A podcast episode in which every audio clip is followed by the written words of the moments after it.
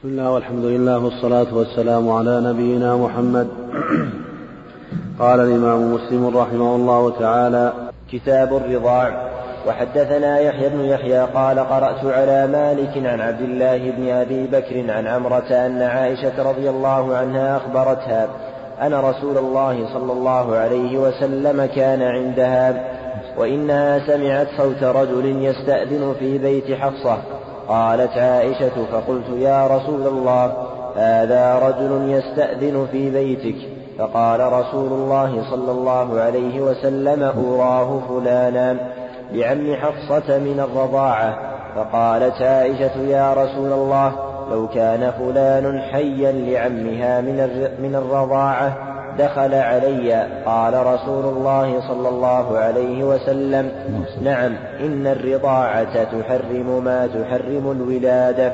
نعم الرضاعة والرضاعة والرضاع والرضاعة. يقال للمرأة مرضع ومرضعة. يقول لها مرضع إذا إذا كان بها لبن وترضع وإذا كانت ترضع بالفعل يقال لها مرضعة بالتاء. إذا كانت ترضع ولدها بالفعل يقال مرضعة وإذا كانت من شأنها أن ترضع يقال مرضع. هذا الأصح مرضع. ومرضعة ورضاع ورضاعة. وفيه دليل على أن أنه يحرم من الرضاعة ما يحرم من النسب وأن الرضاعة تحرم ما تحرم الولادة. فالمحرمات بالنسب بينهم الله. في قول حرمت عليكم أمهاتكم وبناتكم وأخواتكم وعماتكم وخالاتكم وبنات الأخ وبنات الأخت. سبع. ومثل ويحرم مثلهن من الرضاعة. يحرم الأمهات والبنات والأخوات والعمات والخالات وبنات الأخ وبنات الأخت من الرضاعة كما يحرم من النسب. سبع بالنسب وسبع بالرضاعة أربعة عشر. أمهات الأمهات أمهاتكم وبناتكم وأخواتكم وعماتكم وخالاتكم وبنات الأخ وبنات الأخت. تحرم من النسب وتحرم من الرضاعة تكون أربعة عشر. وفيها أنه يحرم من الرضاعة ما يحرم من من الولادة وإذا أرضعت امرأة طفلا خمس رضعات في الحولين لابد أن تكون خمس رضعات كما سيأتي تكون في الحولين. كما سيأتي في الحديث تقييد بهذا. فإن فإن هذه المرأة التي أرضع فيها الطفل تكون أما له من الرضاعة لهذا الطفل. ويكون أبناؤها وبناتها إخوة له من الرضاعة. ويكون أبوها جدهم من الرضاعة. وإخوتها أخواله من الرضاعة. وهكذا. ويكون هذا الطفل ابنا لهذه المرضعة. وأبناؤه أبناء لها وهكذا. وكذلك على الصحيح يكون الزوج الذي له اللبن يكون أبا له من الرضاعة. وأن لبن الفحل يحرم على الصحيح. ويكون هذا الزوج الذي له اللبن أبوه من الرضاعة هو لهذا الطفل. وأبوه جد له من الرضاعة. وأبناء هذا الزوج من هذه المرضعة إخوة له أشقاء. وأبناء هذا الزوج الذي له لبن من غيرها إخوة له من الأب من الرضاعة. وإخوة هذا الزوج أعمام له من الرضاعة وهكذا. فالحرمة تنتشر في المرضعة نفسها وفي أقاربها وفي الرضيع وأولاده وفي الزوج الذي له اللبن وأقاربه. أما أم الرضيع من النسب وأبوه من النسب لا علاقة لهم وكذلك إخوة الرضيع من النسب لا علاقة لهم. فيجوز أن يتزوج أخوه من النسب أخته من الرضاعة فلو تضع طفل من امرأة صارت بنتها أخت له من الرضاعة ويجوز لأخيه من النسب أن يتزوجها. نعم. أحسن الله عليك وحدثناه أبو كريب قال حدثنا أبو أسامة حاء وحدثني أبو معمر إسماعيل بن إبراهيم الهذلي قال حدثنا علي بن هاشم بن البريد جميعا عن هشام بن عروة عن عبد الله بن أبي بكر عن عمرة عن عائشة رضي الله عنها قالت قال لي رسول الله صلى الله عليه وسلم يحرم من الرضاعة ما يحرم من الولادة. نعم هذا صريح لأن الرضاعة كالولادة. فما حرم من النسب حرم بالرضاعة. نعم. كذا؟ نعم. تكون تكون محرم لزوجها.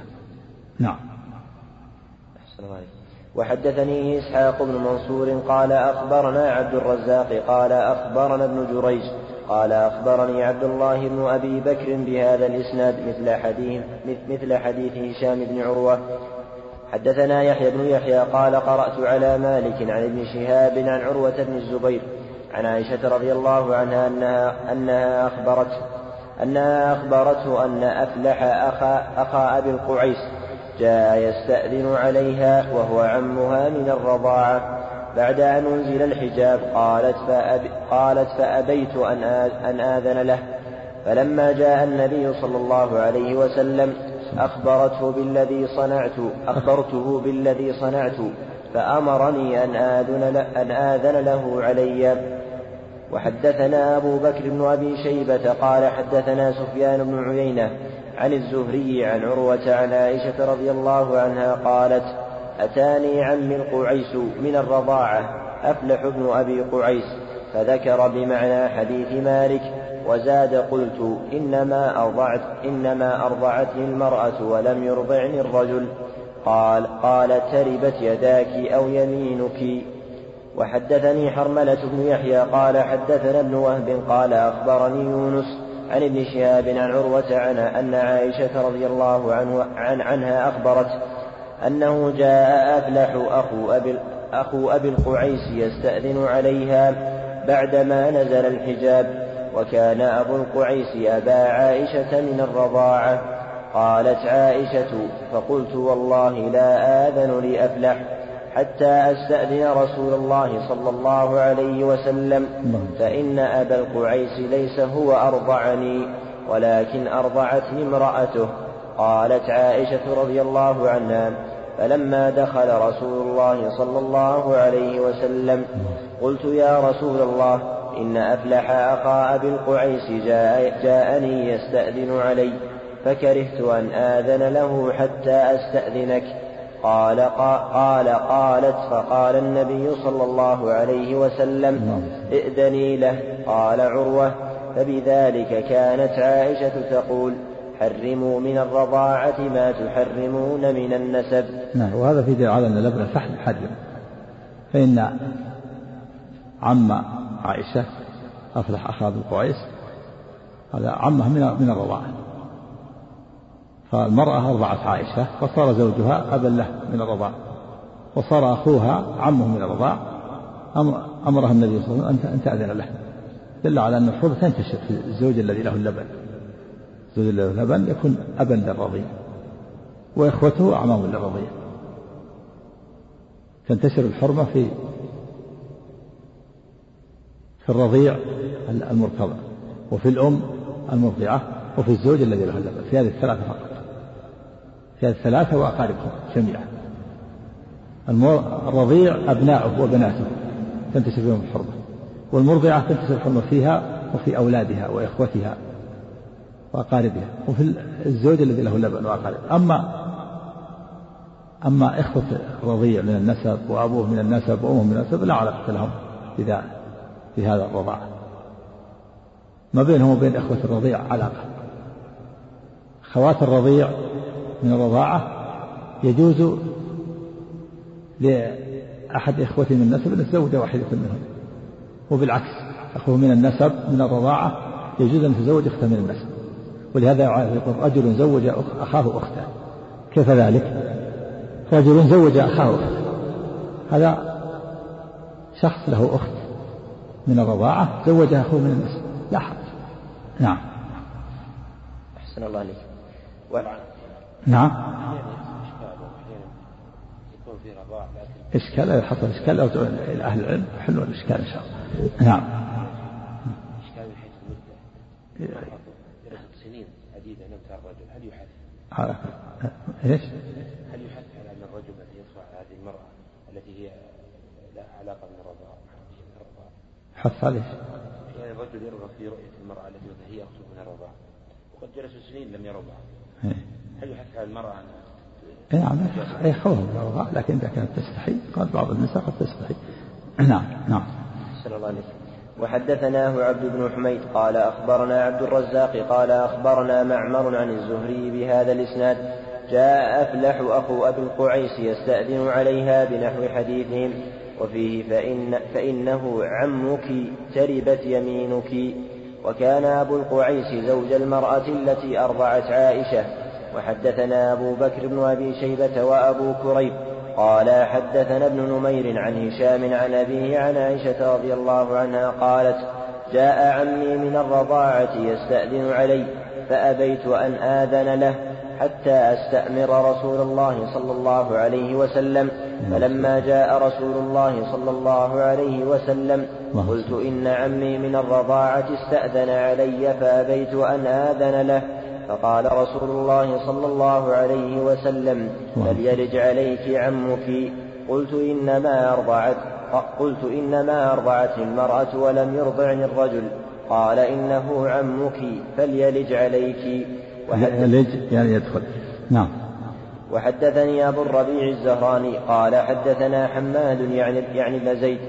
قال حدثنا هشام بهذا الإسناد أن أخا أبي القعيس استأذن عليها فذكر نحوه. وحدثنا يحيى بن يحيى قال أخبرنا أبو معاوية عن هشام بهذا الإسناد نحوه غير أنه قال استأذن عليها أبو القعيس. وحدثني, وحدثني الحسن بن علي الحلواني ومحمد بن رافع. قال أخبرنا عبد الرزاق قال أخبرنا ابن جريج. عن عطاء قال أخبرني عروة بن الزبير أن عائشة رضي الله عنها أخبرت قالت استأذن علي عمي من من الرضاعة أبو الجعد فرددته. قال لي هشام إنما إنما هو أبو القعيس. نعم كله أبو الجعد أبو القعيس نعم. الله فلما جاء النبي صلى الله عليه وسلم أخبرته بذلك أخبرته بذلك. قال فهلا أذنت له؟ تربت, يم تربت يمينك أو يدك؟ هذا ما بالحث لا يرد بها صار دعاء. دعاء تربت يعني بأن تلصق بالتراب من شدة الفقر لكن المراد بها ليس المراد بها الدعاء. تقولها العرب من باب الحث على الشيء. نعم. أحسن الله عليك. وحدثنا قتيبة بن سعيد قال حدثنا ليث حاء وحدثنا محمد بن رمح. قال أخبرنا الليث عن يزيد بن أبي حبيب عن عراك عن عروة عن عائشة رضي الله عنها أنها أخبرته أن عمها من الرضاعة يسمى أفلح استأذن عليها فحجبته فأخبرت رسول الله صلى الله عليه وسلم فقال لها لا تحتجبي منه فإنه يحرم من الرضاعة ما يحرم من النسب. وحدثنا عبيد الله بن معاذ العنبري قال حدثنا أبي قال حدثنا شعبة عن الحكم عن عراك بن مالك عن عروة عن عائشة رضي الله عنها قالت استأذن علي أفلح بن قعيس فأبيت أن آذن له فأرسل إني عمك أرضعت أرضعتك امرأة أخي فأبيت أن آذن له فجاء رسول الله صلى الله عليه وسلم فذكرت ذلك له فقال ليدخل عليك فإنه عمك. حدثنا أبو بكر, أبو بكر بن أبي شيبة وزهير بن حرب ومحمد بن العلاء واللفظ لأبي بكر. قالوا حدثنا أبو معاوية عن الأعمش عن سعد بن عبيدة عن أبي عبد الرحمن عن علي رضي الله عنه قال قلت يا رسول الله ما لك تنوق في قريش وتدعنا؟ فقال وعندكم شيء؟ تنوق يعني تختار. تختار في قريش وتختار منهم. تتزوج منهم وتترك بني هاشم. نعم ما لك تنوق. وتختار وتولد الاختيار وتترك بني هاشم وهم الأقربون. نعم قال عندكم أحد؟ عندكم يعني من تصلح أن تزوجها نعم. قال قلت يا رسول الله ما لك تنوق في قريش وتدعنا؟ فقال وعندكم شيء؟ قلت نعم. بنت حمزة. فقال رسول الله صلى الله عليه وسلم إنها لا تحل لي إنها ابنة أخي من الرضاعة. وحدثنا عثمان بن أبي شيبة وإسحاق. يعني حمزة بن عبد المطلب. عمه معروف أن بنت العم تحل لكن صار خله من الرضاعة عم. فصارت بنتها بنت أخيه من الرضاعة وأن علي رضي الله عنه أنها تحل له. قال بنت حمزة لماذا تزوج بنت بنت عمة حمزة. قال إن حمزة أخي من الرضاعة فتكون بنت أخي من الرضاعة ولا ولا تحل. لي إنها بنت أخي من الرضاعة نعم. لأن حمزة رضع معه. نعم. أحسن الله وحدثنا عثمان بن أبي شيبة وإسحاق بن إبراهيم عن جرير. حاء وحدثنا ابن نمير قال حدثنا أبي حاء وحدثنا محمد بن أبي بكر المقدمي قال حدثنا عبد الرحمن بن مهدي عن سفيان كلهم عن الأعمش بهذا الإسناد مثله. وحدثنا هداب بن خالد قال حدثنا همام قال حدثنا قتادة عن جابر بن زيد عن ابن عباس رضي الله عنهما أن النبي صلى الله عليه وسلم أريد على ابنة حمزة فقال إنها لا تحل لي إنها ابنة أخي من الرضاعة ويحرم من الرضاعة ما يحرم من الرحم. وحدثنا زهير وحدثناه زهير بن حرب وحدثني يحيى وهو القطان حاء وحدثنا محمد بن يحيى ابن مهران القطعي. قال حدثنا بشر بن عمر جميعا عن شعبة حاء وحدثناه أبو بكر بن أبي شيبة قال حدثنا علي بن مسهر عن سعيد بن أبي عروبة كلاهما عن قتادة بإسناد همام سواء غير أن حديث شعبة انتهى عند قوله ابنة أخي من الرضاعة. وفي حديث سعيد وإنه يحرم من الرضاعة ما يحرم من النسب. وفي رواية بشر بن عمر قال سمعت جابر بن زيد وحدثنا, وحدثنا هارون بن سعيد الليلي وأحمد بن عيسى قال حدثنا ابن وهب قال أخبرني مخرمة بن بكير عن أبيه قال سمعت عبد الله عبد الله بن, ابن مسلم يقول سمعت محمد بن مسلم يقول سمعت حميد بن عبد الرحمن يقول سمعت أم سلمة زوج, زوج النبي صلى الله عليه وسلم تقول قيل لرسول الله أين أنت يا رسول الله عن ابنة حمزة أو قيل ألا تخطب بنت حمزة بن عبد المطلب؟ قال إن حمزة أخي من الرضاعة. حدثنا أبو كريب محمد بن العلاء. هذا عبد الله بن مسلم. نعم إيه، يروي عن أخيه محمد بن مسلم. هو أكثر من ما قبله رواية عنه قليلة. في هنا أربعة من التابعين على مسق بكير. الأشج عبد الله بن مسلم ومحمد بن مسلم وحمد بن عبد الرحمن. نعم. الله. أب أبوها من الرضاعة وأخوه عمها من الرضاعة زوج زوج المرضعة يصير أب للرضيع من الرضاعة وأخوه عمه. هذا أفلح بن قعيس أخو آه، زوج المرضعة. نعم. نعم. حدثنا أبو كريب محمد بن العلاء قال حدثنا أبو أسامة قال أخبرنا هشام قال أخبرني أبي عن زينب بنت أم سلمة عن أم حبيبة بنت أبي سفيان رضي الله عنها قالت دخل علي رسول الله صلى الله عليه وسلم فقلت له هل لك في أختي بنت أبي سفيان؟ فقال أفعل ماذا؟ قلت تنكحها. قال أو تحبين ذلك؟ قلت لست, لست لك بمخلية. قالت قلت لست لك بمخلية وأحب من شركني في الخير أختي. قال فإنها لا تحل لي. قلت فإني أخبرت أنك تخطب درة بنت أبي سلمة. قال بنت أم سلمة. قلت نعم. قال لو أنها لم تكن ربيبتي في حجري ما حلت لي. إنها ابنة أخي من الرضاعة أرضعتني وأباها ثويبة. فلا تعرضن علي بناتكن. فلا تعرضن. فلا تعرضن علي بناتك بناتكن, بناتكن ولا أخواتكن. وحدثني بسم الله الرحمن الرحيم. الحمد لله رب العالمين والصلاة والسلام على محمد وعلى آله وصحبه أجمعين. أما بعد فهذا الحديث فيه بيان أنه يحرم من الرضاعة ما يحرم من النسب. وفيه أن أم حبيبة عرضت على النبي صلى الله عليه وسلم أختها أن يتزوجها قبل أن تعلم الحكم الشرعي لأنه لا يجوز الجمع بين الأختين. قال لها النبي أو تحبين ذلك. قالت نعم لست لك بمخلية. يعني لست بمنفردة لك من ضرة. لا بد أن يكون معي ضرة. وإذا كان معي ضرة فأحب من شركني في خير الأخت. شركني من شاركني فقال النبي صلى الله عليه وسلم إنها لا تحل لي. أخت الزوجة فدل على تحريم أخت الزوجة وهي محرمة تحريما مؤمدا إلى أمد. حتى يفارق أختها بموت أو طلاق وتخرج من العدة وتحل أختها. قال الله تعالى وأن تجمع بين الأختين. وهذا من مما دل عليه كتاب العزيز مما اجتمع فيه دليل مما مما كان في دليل الكتاب والسنة وأن تجمعوا بين الأختين. وفيه أن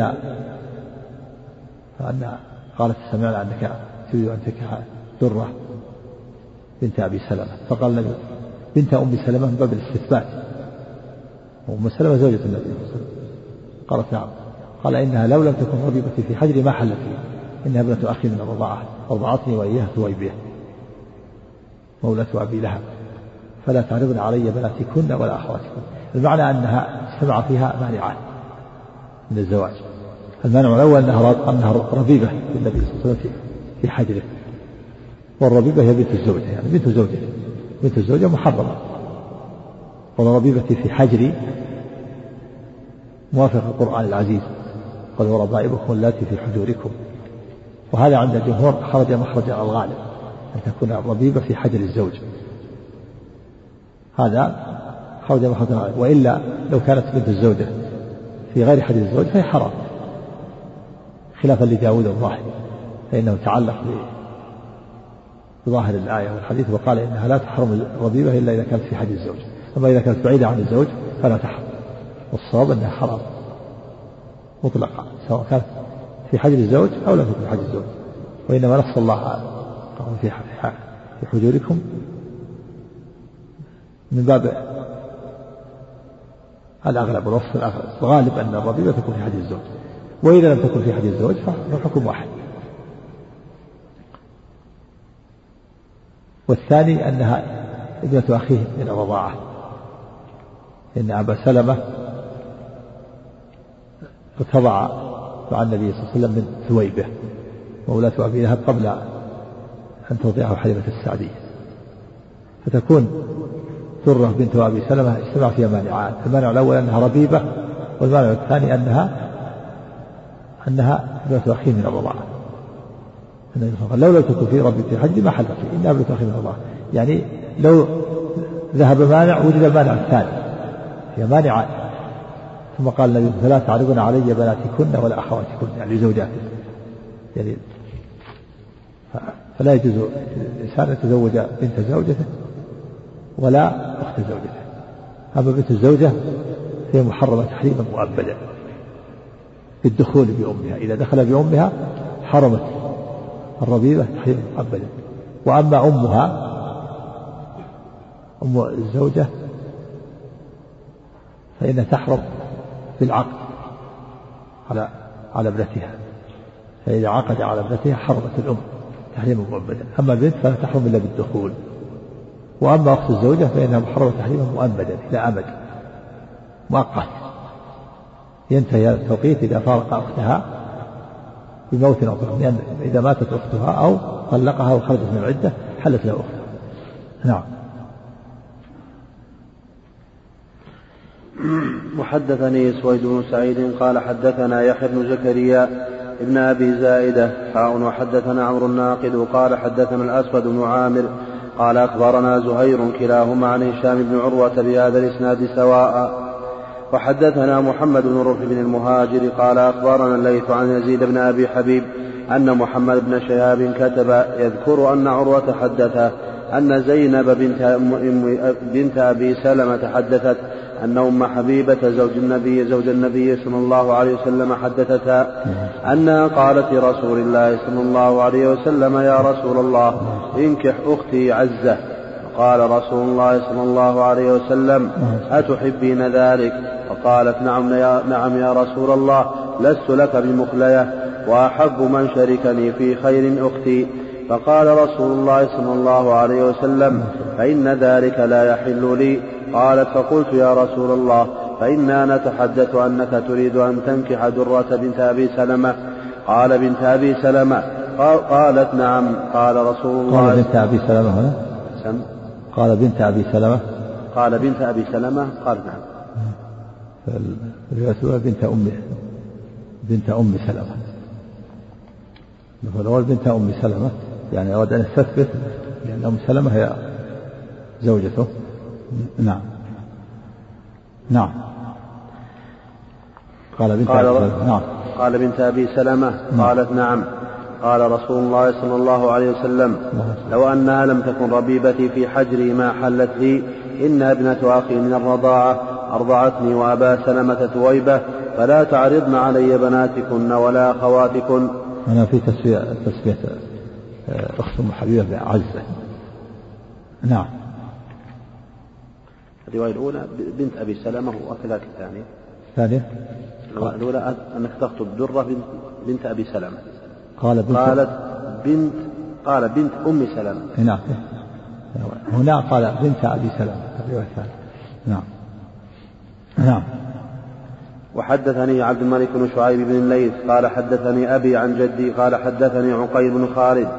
حاء وحدثنا عبد بن حميد قال أخبرنا يعقوب بن إبراهيم الزهري قال حدثنا محمد بن عبد الله بن مسلم كلاهما عن الزهري بإسناد ابن أبي حبيب عنه نحو حديثه. ولم يسمي أحد منهم في حديثه عزة غير يزيد بن أبي حبيب. نعم اسمها عزة بنت آه، أخت أم حبيبة. وبنت أم سلمة اسمها درة نعم حدثني زهير بن حرب قال حدثنا إسماعيل بن إبراهيم حاء وحدثنا محمد بن عبد الله بن نمير. قال حدثنا إسماعيل حاء وحدثنا سويد بن سعيد. قال حدثنا معتمر بن سليمان. كلاهما عن أيوب عن, أب عن, عن ابن أبي مليكة عن عبد الله بن الزبير عن عائشة رضي الله عنها قالت قال رسول الله صلى الله عليه وسلم قال سويد وزهير إن النبي صلى الله عليه وسلم قال لا تحرم المصة والمصتان. حدثنا يحيى بن يحيى وعمر الناقد وإسحاق ابن إبراهيم كلهم عن المعتمر واللفظ ليحيى. أخبرنا المعتمر بن سليمان عن أيوب يحدث عن أبي الخليل عن عبد الله بن الحارث عن أم الفضل. قالت دخل أعرابي على نبي الله صلى الله عليه وسلم وهو في بيتي فقال يا نبي الله إني كانت لي امرأة فتزوجت عليها أخرى فزعمت امرأة الأولى أنها أرضعت امرأة الحدث ورضعة أو رضعتين. فقال نبي الله صلى الله عليه وسلم لا تحرم لا تحرم الإملاجة والإملاجتان قال عمرو في روايته عن عبد الله بن الحارث بن نوفل وحدثني أبو غسان الإسماعي قال حدثنا معاذ حاء وحدثنا ابن مثنى وابن بشار قال حدثنا معاذ بن هشام قال حدثني أبي عن قتادة عن صالح بن أبي مريم أبي الخليل عن عبد الله بن الحارث عن أم الفضل أن رجلا من بني عامر بن صعصعة قال يا نبي الله هل تحرم الرضعة الواحدة؟ قال لا. حدثنا أبو بكر بن أبي شيبة قال حدثنا محمد بن بشر قال حدثنا سعيد بن أبي عروبة عن قتادة عن أبي الخليل عن عبد الله بن الحارث عن أم الفضل رضي الله عنها حدثت أن نبي الله صلى الله عليه وسلم قال لا تحرم الرضعة أو الرضعتان أو المصة أو المصتان. فحدثنا أبو بكر بن أبي شيبة وإسحاق بن إبراهيم جميعا عن, عن عبدة بن سليمان عن ابن أبي عروبة بهذا الإسناد أما إسحاق فقال كرواية ابن بشر أو الرضعتان أو المصتان وأما ابن أبي شيبة فقال والرضعتان والمصتان وحدثنا ابن أبي عمر قال حدثنا بشر بن السري قال حدثنا حماد بن سلمة عن قتادة عن أبي الخليل عن عبد الله بن الحارث بن نوفل عن أم الفضل رضي الله عنها عن النبي صلى الله عليه وسلم قال لا تحرم الإملاجة والإملاجتان. حدثني أحمد بن سعيد الدارمي قال حدثنا حبان قال حدثنا همام قال حدثنا قتادة عن أبي الخليل عن عبد الله بن الحارث عن أم الفضل رضي الله عنها سأل رجل النبي صلى الله عليه وسلم أتحرم المصة فقال لا. حدثنا يحيى بن يحيى قال قرأت على مالك عن عبد الله بن أبي بكر عن عمرة عن عائشة أنها قالت كان فيما أنزل من القرآن عشر رضعات معلومات يحرم. ثم نسخن بخمس معلومات فتوفي رسول الله صلى الله عليه وسلم وهن فيما يقرأ من القرآن. يعني ممن لم يعلم ممن لم يعلم بالتحريم. توفي المعنى أنه تأخر آه، نسخها قبيل وفاة النبي صلى الله عليه وسلم. فتوفي رسول الله وهن مما يقرأ من القرآن يعني بعض الناس الذين لم يعلموا بالنسخ صاروا يقرؤونها. ثم بعد ذلك لما علموا تركوا القراءة وهذا في إثبات النسخ في القرآن والرد على اليهود الذين ينكرون النسخ في القرآن. قال الله تعالى ما نسخ من آية أو سنأتي بخير منها أو مثلها. ألم تعلم أن الله على كل شيء قدير؟ وفي هذا الحديث إثبات الناسخ والمنسوخ. الناسخ خمس رضعات والمنسوخ عشر رضعات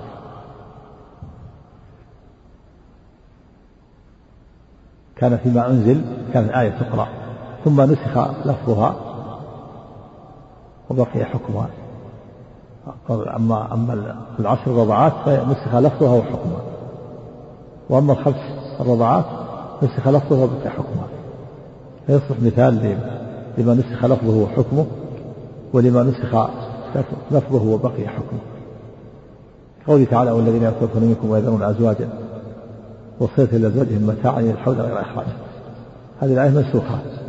حكمها وبقي لفظها منسوخة بآية آية التربص بأربعة أشهر آية التربص بسنة نسخت بآية التربص بأربعة أشهر والذين يتوفون منكم ويذرون أزواجا يتربصن بأنفسهن أربعة أشهر وعشرة.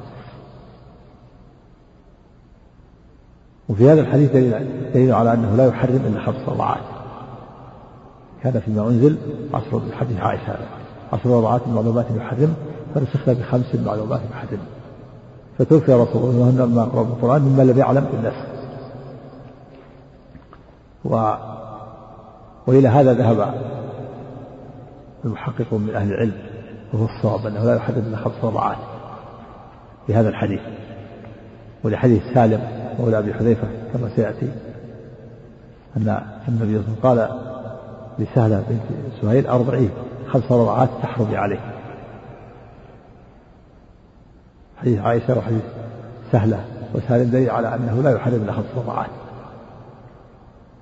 والمراد بالرضعة أن يمتص الصبي الثدي ثم يتركه باختياره. ما يؤخذ منه باختياره لنفس أو للعب أو للشبع وسواء كان في مجلس أو مجالس وسواء ارتضع من من الثدي أو حلب له في إناء وشربه أو جفف وأكله. وذهب الجمهور إلى إلى أنه إلى أن الرضاع يحرم ولو رضعة واحدة. إذا رضعة واحدة فإنه يحرم أخذا بإطلاق الآية. وأمهاتكم اللاتي أرضع لكم قالوا هذا مطلق. يدل على أن إذا حصل الإرضاع ولو مرة واحدة كفى وذهب داود وجماعة إلى أنه لا يحرم إلا ثلاث رضعات واستدلوا بها الحديث التي مرت. لا تحرم المصة ولا المصتان ولا الإملاجة ولا الإملاجتان قالوا فالمصة يعني الرضعة لا تحرم والمصة لا تحرم فدل على أن الثلاث تحرم الصواب من الأقوال أنه لا يحرم إلا خمس رضعات في هذا الحديث حديث عائشة. كان فيما أنزل خمس رضعات معلومات يحرم والحديث سهلة وسالم الذي قال لها أرضعيه خمس رضعات تحرمي عليه. هذا هو الصواب. أما الرضعة والرضعتان والثلاث والأربع فلا تحرم. وإذا قيل إن فلان رضع عن فلانة ولم يعلم فالأحوط البعد عنها. وألا يتزوجها احتياطا لهذه العبادة. لأن عقبة بن الحارث تزوج بنت عزيز بن أبي إيهاب فجاءت امرأة سوداء وقالت له ولها قد أرضعتكما ليلة الزواج فقال ما أخبر ما أعلم أنك أرضعتني ولا أخبرتني. ثم ذهب إلى النبي صلى الله عليه وسلم كان في مكة. ذهب إلى النبي في المدينة وأخبره فقال النبي صلى الله عليه وسلم له كيف وقد قيل؟ يعني هذا شبهة الأولى أن تبتعد قال يا رسول الله ما أخبرتني ولا أعلم ما أعلمتني ما علمت أنها وضعتني ولا أخبرتني قال كيف رقدت ففارقها عقبة. نعم. نعم. الصواب أنه لا يحرم إلا ما كان في الحولين. الحديث. إنما الرضاعة من المجاعة. والحديث الآخر لا رضاع إلا ما كان في الحولين إلا ما فتق الأمعاء وكان في الحولين ثم سيأتي سيأتي الخلاف في الرضاع الكبير. نعم. نعم. هذا أخذ بالآية أن الجمهور أخذوا بإطلاق الآية. كانوا مجرد الإرضاع ولا رضعة حد. نعم. حدثنا يقول صح من الأقوال الثلاثة أنه لا يحرم إلا خمس رضعات نعم. أحسن الله عليك. حدثنا عبد الله بن مسلمة القعنبي قال حدثنا سليمان بن بلال عن يحيى وهو ابن سعيد عن عمرة أنها سمعت عائشة رضي الله عنها تقول وهي تذكر الذي يحرم من الرضاعة قالت عمرة فقالت عائشة رضي الله عنها نزل في القرآن عشر رضاعات معلومات ثم نزل أيضا خمس معلومات.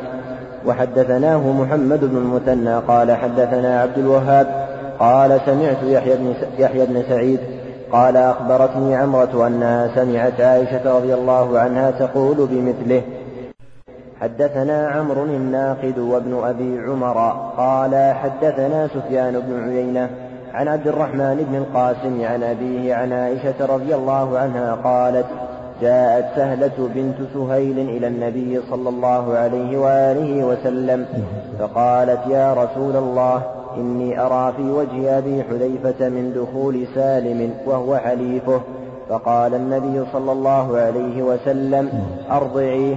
قالت كيف قالت وكيف أرضعه؟ وهو رجل كبير.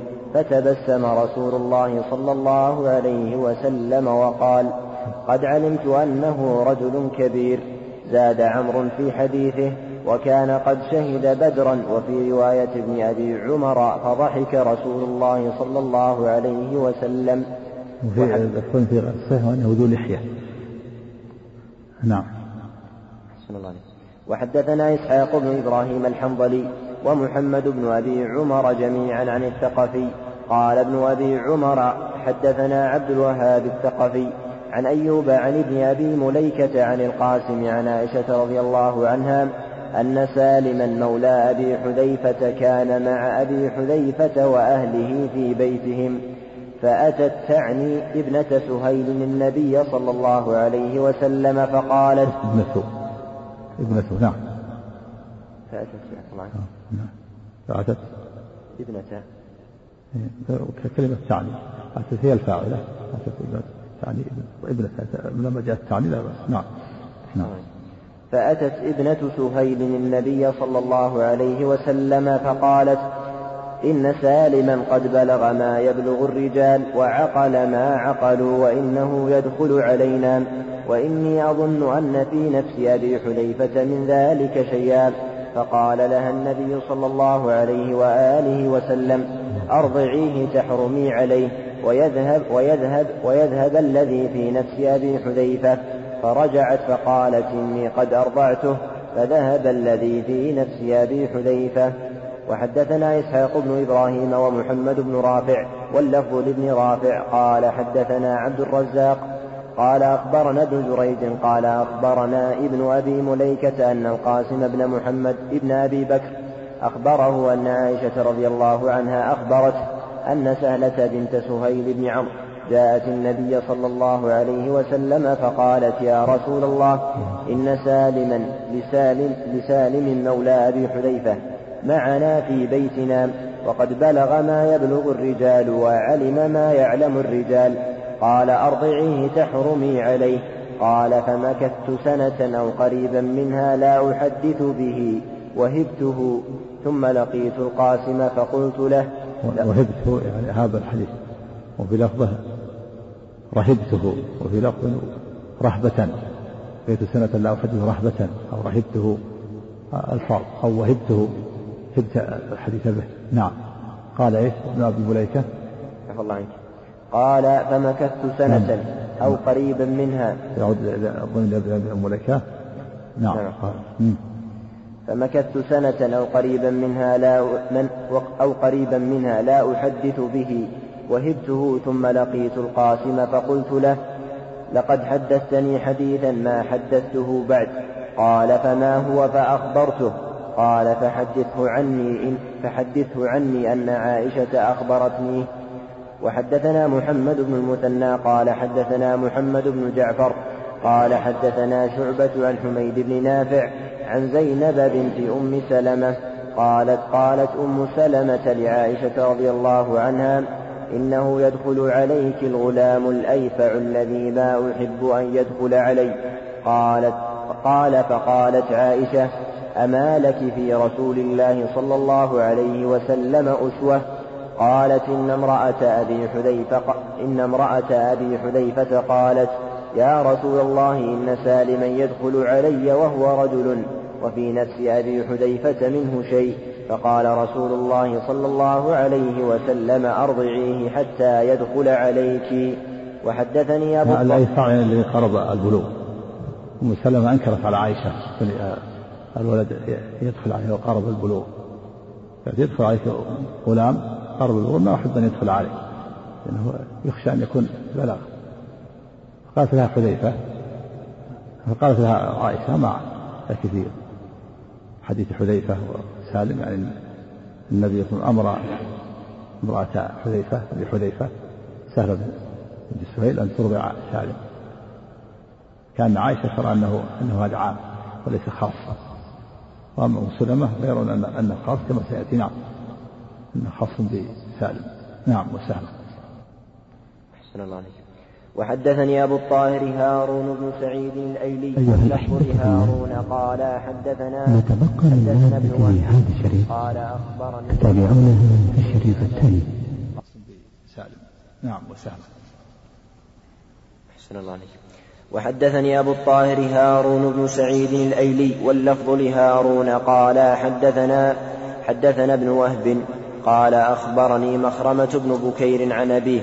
قال سمعت حميد بن نافع يقول سمعت زينب بنت أبي سلمة تقول سمعت أم سلمة زوج النبي صلى الله عليه وسلم تقول لعائشة رضي الله عنها والله ما تطيب نفسي أن يراني الغلام قد استغنى عن الرضاعة فقالت لما قد جاءت سهلة بنت سهيل إلى رسول الله صلى الله عليه وسلم فقالت يا رسول الله والله إني لأرى في وجه أبي حذيفة من دخول سالم. قالت فقال رسول الله صلى الله عليه وسلم أرضعيه. فقالت إنه ذو لحية. فقال أرضعيه يذهب ما في وجه أبي حذيفة. فقالت والله ما عرفته في وجه أبي حذيفة. صحيح أنه ذو لحية. إشكال على على قولها قولها الغلام الأيفع مختصر هنا. يعني كان كان عائشة رضي الله عنها يعني إن هذا الغلام يدخل عليها أرضع أحد من بنات أخيها. تكون تكون عامة من الرضاع أو لكن ما ذكر هنا لأنه غلام عائشة يدخل عليها وأنكرت أم سلمة قالت ما أحب يدخل عليها.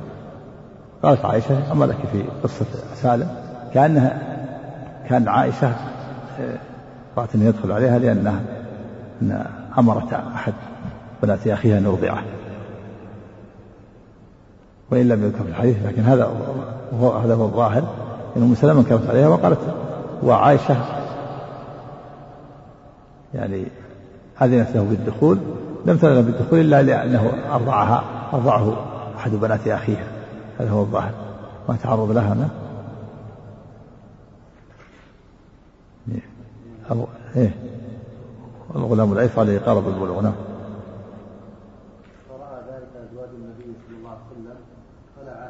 لا لا هين هذا لا بس الكلام قصة يعني كون عائشة الآن قالت ما لك يعني الغلام الذي يدخل عليها سبب دخوله عليها. هل أرضعه بنات أخيها بنات أخيها؟ في نص صح نص على هذا.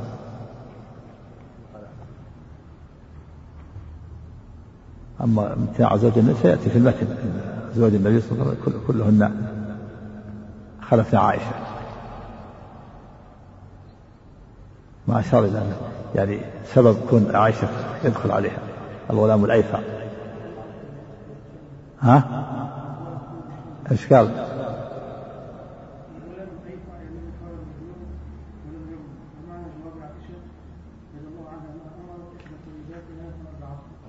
هذا هو الأقرب. الأقرب أنها أمرت إحدى قريباتها من بنت أخيها فأرضعت ولذلك صارت لا آه، سمحت له بالدخول.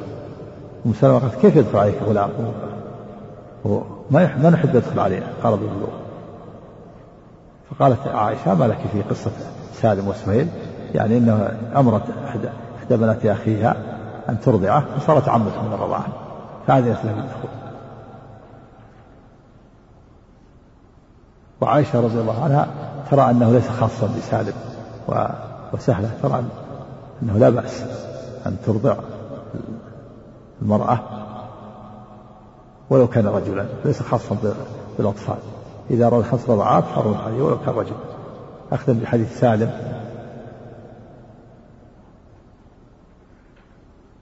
ووافق على ذلك داود الظاهري. وأما الجمهور فقالوا إن هذا خاص بسالم وسهل. لا يقص عليهم هذه قضية عين خاصة بسالم وسهل. لأن أبي اشتكت النبي وقالت يا رسول الله إن سالم عندنا منذ كان صغيرا وكان حليفا مولى ولا نستغني عنه. نعتبره كأنه ابن لنا. وأبو حذيفة يتعثر في وجه الكراهة. فقال أرضعيه خمس سنوات تحرمي عليه. فأرضعته. صار خاصا ولا يقاس غيره عليه. هذا هو الصوب الذي عليه الجماهير. خلافا لعائشة رضي الله عنها. كما صرح المؤلف رحمه الله أن أن أزواج أبى أزواج النبي صلى الله عليه وسلم أن يدخلن أحد عليهم بتلك الرضاعة. ولهذا صارت صار يدخل عليها الغلام الأيسع لأنها أمرت إحدى بنات أخيها أن يرضعه فصارت عمته من الرضاعة فلهذا دخل عليها ولو كان كبير. وذهب الشيخ الإسلام ابن تيمية رحمه الله ابن القيم إلى أنه إلى قريب من مذهب عائشة إلى أنه من كان إلى أن من كانت حالته مثل حالة سالم وأبي حذيفة لا بأس أن ترضعه. إذا كان هناك واحد في البيت تدعو إليه الضرورة فلا بأس أن ترضعه ويكون ابنا لها ولكن نرى أن هذا القول ضعيف رحمه الله. كذلك أيضا قول عائشة ضعيف والصواب عليه الجمهور لأن في فتح باب للشرور والفتن ولا سيما في هذا الزمن. لو قيل بهذا صار بعض النساء تدعي أنها رضعت الخادم اللي عنده سائق السيارة. وصار يدخل على النساء وصار من أسباب الفواحش. وإذا قيل كيف يدخل قال أرضعنا خمس رضعات. ويذهب ببنتها إلى حيث شاء ويقول إنها إنها إنه محرم إلا أن من الرضاع وتحصل الفواحش والشرور باب الشر. فلا ينبغي أن يفتى بمثل هذا. الصواب أنها أنها ما عليه الجماهير أنه لا يحرم إلا ما كان في الحولين. والأحاديث فيها صريحة. لا رضاعة إلا ما فتق الأمعاء وكان في الحولين إنما الرضاعة من المجاعة. هذا حديث محكمة واضحة أما قصة سالم فهي مستثنات خاصة بسالم وسالم ولهذا جميع أزواج النبي صلى الله عليه وسلم خلفنا عائشة. قال لا لا نرى أن يدخل علينا أحد بالرضاعة الكبير واختلف اختلفوا في إرضاع سهلة لسالم. هل أنه مصت يدها وباشرة أو أنها حلبت له في في في إناء في كأس وشربه محتمل. نعم.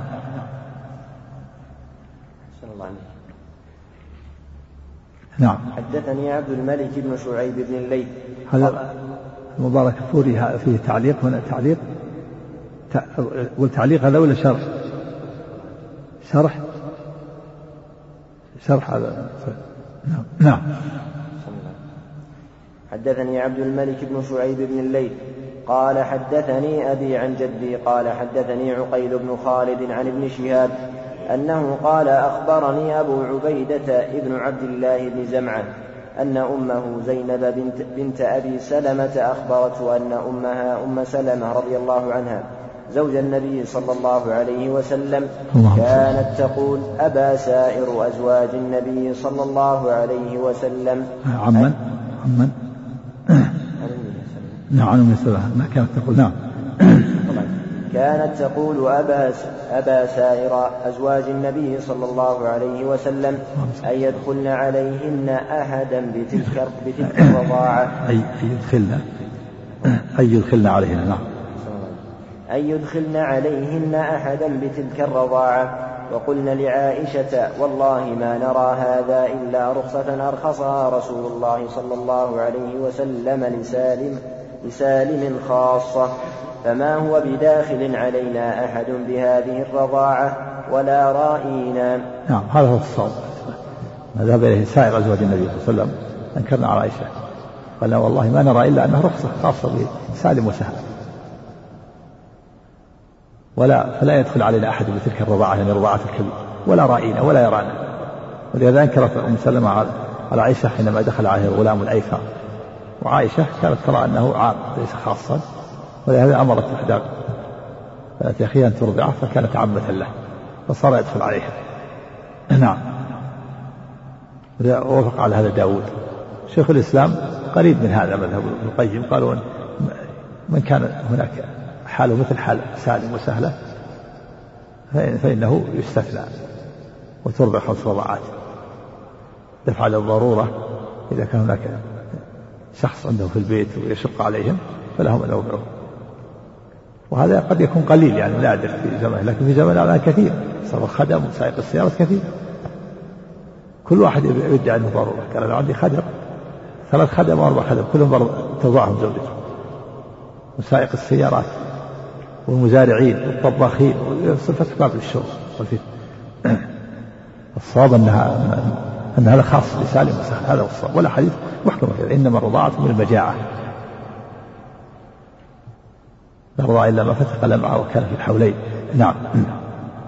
الصواب أنه لا يحرم إلا ما كان في الحولين. خاص. ذهب أبو حنيفة إلى أنه يزاد على هذا نصف سنة سنتان ونصف. نعم. والله تعالى يقول والولدات يرضعن أولادهن حولين كاملين نعم. وحدثني هناد بن السري قال حدثنا أبو الأحوص عن أشعث بن عن أشعث ابن أبي الشعثاء عن أبيه عن مسروق قال قالت عائشة رضي الله عنها دخل علي رسول الله صلى الله عليه وسلم وعندي رجل قاعد فاشتد ذلك عليه ورأيت الغضب في وجهه.